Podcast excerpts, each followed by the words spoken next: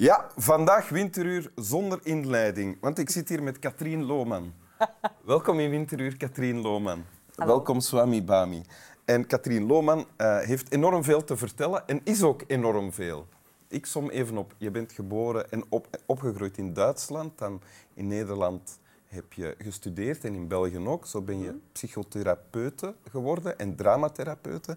En actrice natuurlijk, want mensen kennen jou van uh, Beau Séjour en De Ronde en um, uh, de Cowboys. En binnenkort van Op de Planken, zoals het heet, met het Theater Transparant. Een voorstelling... Kwartet. Kwartet, ja. Uh, die in première gaat in de Bourla, denk ik, op ja, ze is eigenlijk al in première gegaan, maar ze wordt er gewoon gespeeld. Ah, oké, ja. Um, en je bent mama van twee kindjes. En, je, en je doet al die dingen, want je bent ook werkzaam als psychotherapeute. En je, hebt ook een, je maakt met gevangenen in de gevangenis in Antwerpen, in uh, de Begijnenstraat, een radioprogramma.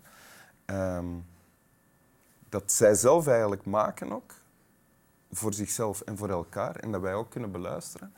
Um, en, enzovoort, zou ik kunnen zeggen. Oké. Okay. Uh, maar daar gaan we het bij houden. Want ja. je hebt een tekst meegebracht. Ik heb een tekst mee. Ja. Ik zal die voorlezen. Schoonheid. Troost. Komen deze mensen echt van 10.000 kilometer ver om te horen wat ik over schoonheid te zeggen heb? En wat troost betreft, beseffen ze wel dat het woord consolation in het Engels tegenwoordig nog maar zelden wordt gebruikt. Consolation Prize, de prijs die een verliezer krijgt om zijn teleurstelling te verzachten. De verdrietige weduwe werd getroost door haar familie. Waar hoor je dat woord verder nog? Het is een verdwijnend woord voor een verdwijnend concept.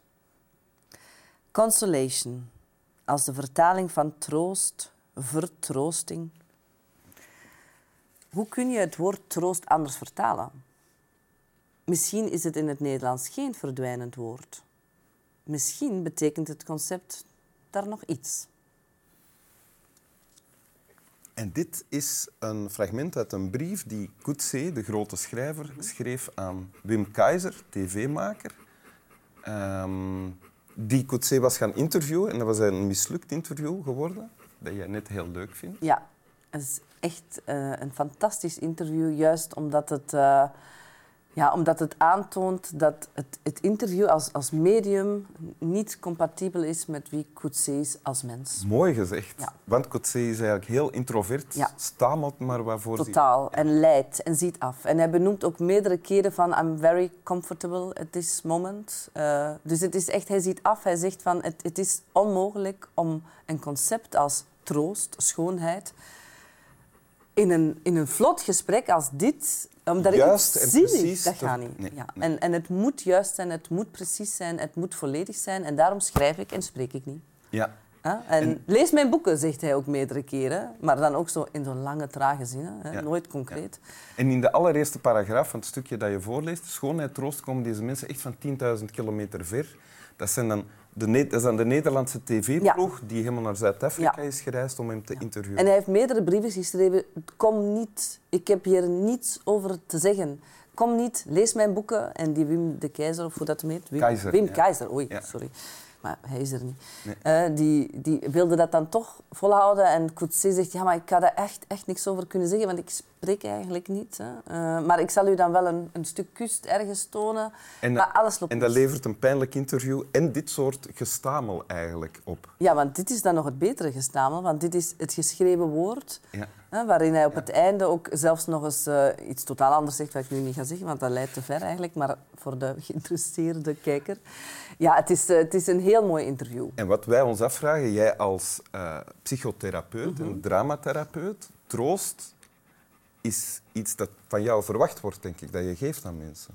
Dat hangt ervan af. Ik denk in de privépraktijk waar ik werk, komen mensen inderdaad vaak met, uh, met de verwachting toch in ieder geval op, op hulp, hè, op misschien zelfs troost of hoop of redding zelfs. Maar in de gevangenis bijvoorbeeld zijn mensen vaak die verwachting al lang voorbij. Die hebben al zoveel psychotherapeuten en psychologen en psychiaters op hun pad gehad die, die zijn eerder achterdochtig uh, en die verwachten ook, ook niks meer. En daar heb ik eigenlijk echt wel geleerd, uh, een belangrijke les als therapeut, ja?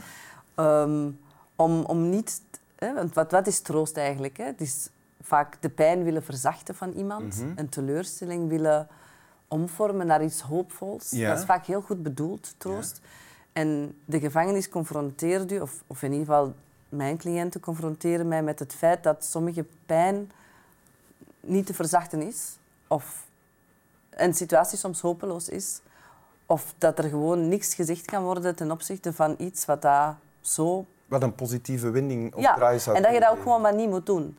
En ik denk in een privépraktijk zijn mensen vaak nog wel vrij beleefd ook. Hè? Of Als, die komen gewoon nooit meer dat je dat dan maar niet moet doen. Wat, zou je dan, wat zeg je dan niet dat je wel zou kunnen zeggen? Of dat je misschien vroeger wel zou zeggen? Ja, ik denk gevangenen? dat, dat je soms de neiging kunt hebben, en dat, dat merk je ook bij jonge stagiaires, psychologie of zo, hè, dat, je, dat ze willen hoop geven. Hè, dat, je, dat ze zeggen van ja, ooit ga je wel vrijkomen. Of je gaat wel zien, hè, jouw situatie is niet uitzichtloos. En het leven heeft toch zoveel moois te bieden. Is er dan echt niks wat jou gelukkig maakt? Hè, dus eigenlijk wil je weg van die pijn. Ja. Je wilt weg van het verdriet. En je probeert perspectieven te scheppen naar, ik weet niet welk licht dat mensen zouden moeten zien. Maar als iemand is- alleen maar pijn voelt, dan voelt dat eigenlijk niet is- waar en voelt hij zich niet gezien en nee. niet gehoord. Nee, en hij is ook niet gezien en niet gehoord. Want wat wij horen en zien is een th- therapeut die het niet aan kan om getuige te zijn van wanhoop.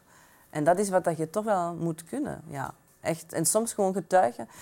En eh, getuigen ook in de zin van ja, het mee verwoorden, mee samen naar woorden zoeken. Oké, maar hoe voelt dat exact om dood te willen gaan? Hè? Waar voelde dat? Dus meegaan in dat gevoel.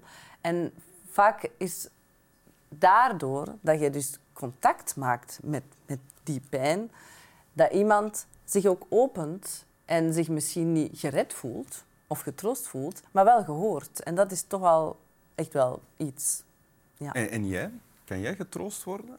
Wanneer Ik- heb, jij, heb, heb jij troost nodig gehad? Och, ehm, ik denk bijvoorbeeld aan mijn bevalling onlangs. Hè. Ah ja? Ja. Dat is toch een extreme pijn dat, Dat je wordt gezegd, voelt. Ja. En eh, ik wist dat al, want ik was al eens eerder bevallen. En Ja. het was trouwens een fantastische bevalling die ik heb gehad. Maar het laatste half uur was er toch weer dit punt waar ik dacht van... Ik zei tegen de vroedvrouw, dit doet zoveel pijn. Dat is zo onbeschrijfelijk veel pijn. En die knikte en die zei, ik weet het. Ik weet het. Dit En doet heel veel pijn. En ik denk, ja, alsjeblieft. En komt, dus zeg niet van, en straks is het voorbij. En elke wee brengt u dichter bij de baby. En zo van die dingen. Je denkt, ja, sorry hoor. Maar op dat moment, je denkt, kan je dat er gewoon uitsnijden met een mes of zo? Of mag ik misschien toch drie epidurales hebben? Maar wat die vroedvrouw deed, was perfect voor jou. Ja, ik vind dat goed, ja. Het is het... Is het ja, ik zie dat, je pijn troost- hebt. Ik vind dat troostend, zo van iemand snapt het. Jij, jij bent er en ze is er ook. Zij ging ook niet weg. Hè. Het is niet van nog even volhouden. Of van, ehm, je zult wel zien. Zeg, en als, als die vroedvrouw op dat moment, en je zegt het doet zoveel pijn, als die dan zou zeggen, ja, en het wordt waarschijnlijk nog erger. Dus hoe zou dat zijn? Is dat een goed idee? Ehm, ja, dat is eigenlijk ook soms een goed idee. Ja, en eh, dat heeft zelfs... Ik, ik denk dat dat zelfs een naam heeft in de, in de psychologie. Ongetwijfeld. De worst case scenario techniek noem ik dat. En dat is een techniek die ik van jou, Wim, heb geleerd. ja, dat kan ik Dat mij- is echt waar, ja. kan ik mij Ja, En soms eh, vertel ik die techniek ook wel eens aan eh, cliënten. Dan zeg ik van, eh, ken jij ehm, ja, Wim Helsen? En dan zeggen mensen vaak ja. En dan, dan beschrijf ik wat dat jij ooit hebt verteld aan mij, hoe dat jij omgaat met plankenkoorts. Ja. Want ik weet niet of dat je dat nu nog hebt, Ja, ja, ja. En ik maar je hebt daar wel veel last van gehad. Hè? redelijk onlangs nog toegepast ook zo, ja. Als Ja. er negativiteit is of angst, Ja. of, eh, en die genereert gedachten, mij concentreren op die gedachten en die nog veel groter en erger maken, tot die eigenlijk absurd worden. En, Ja. dan, en dan kan je die, maar je moet ze eerst helemaal laten Ja, bestaan. je moet het ook laten zijn. Je moet echt eens opgaan in... Oké, waar ben je dan zo bang van? Ben je bang van mensen gaan mij haten? Mensen gaan mij uitschelden? Mensen gaan mij dom vinden? Ja. Hè, waar, waar, zit die angst? Want Ja. daar zit natuurlijk ook wel iets heel existentieels achter. Hè? Ja. Waar dat je misschien al... Of ja, elk van ons al altijd Dus mee op, heeft op- op geworsteld. dat moment hè? zou je kunnen Je laat zeggen, het toe. Ben ik, ja, doe ik aan zelftroost of zoiets. Ehm, ja, Wel een, een, soort paradoxale omvorming van zelftroost. Ja. Dus niet van, het, het komt wel goed, Wim, of oh, je gaat ze zeker heel blij maken vanavond. Nee, je gaat juist eigenlijk die angsten die dat je hebt benoemen, serieus nemen en zelfs overdrijven in Ja. echt het ergste wat mij zou kunnen overkomen. Extreem serieus nemen. extreem serieus nemen. En wij, En niet wegwuiven en ontkennen, maar zeggen, oké, waar ben je dan zo bang van? Is het van, ze gaan u belachelijk vinden, of lelijk, of dom? Of ja, ik weet niet wat al die je- dingen, Al al die die dingen misschien zelfs. eh, ja. en wij, jij en ik, kunnen hier heel goed en eloquent en lang over praten, maar zullen we nog eens luisteren naar het gestamel van Koetse? Ja, oké. Oei, dan moet ik bladeren terug. Hè? Ja. Schoonheid, troost. Komen deze mensen echt van 10.000 kilometer ver om te horen wat ik over schoonheid te zeggen heb? Wat troost betreft, beseffen ze wel dat het woord consolation in het Engels tegenwoordig nog maar zelden wordt gebruikt. Consolation Prize, de prijs die een verliezer krijgt om zijn teleurstelling te verzachten. De verdrietige weduwe werd getroost door haar familie. Waar hoor je dat woord verder nog? Het is een verdwijnend woord voor een verdwijnend concept. Consolation als de vertaling van troost, vertroosting. Hoe kun je het woord troost anders vertalen? Misschien is het in het Nederlands geen verdwijnend woord. Misschien betekent het concept daar nog iets. Dank u. Slap wel.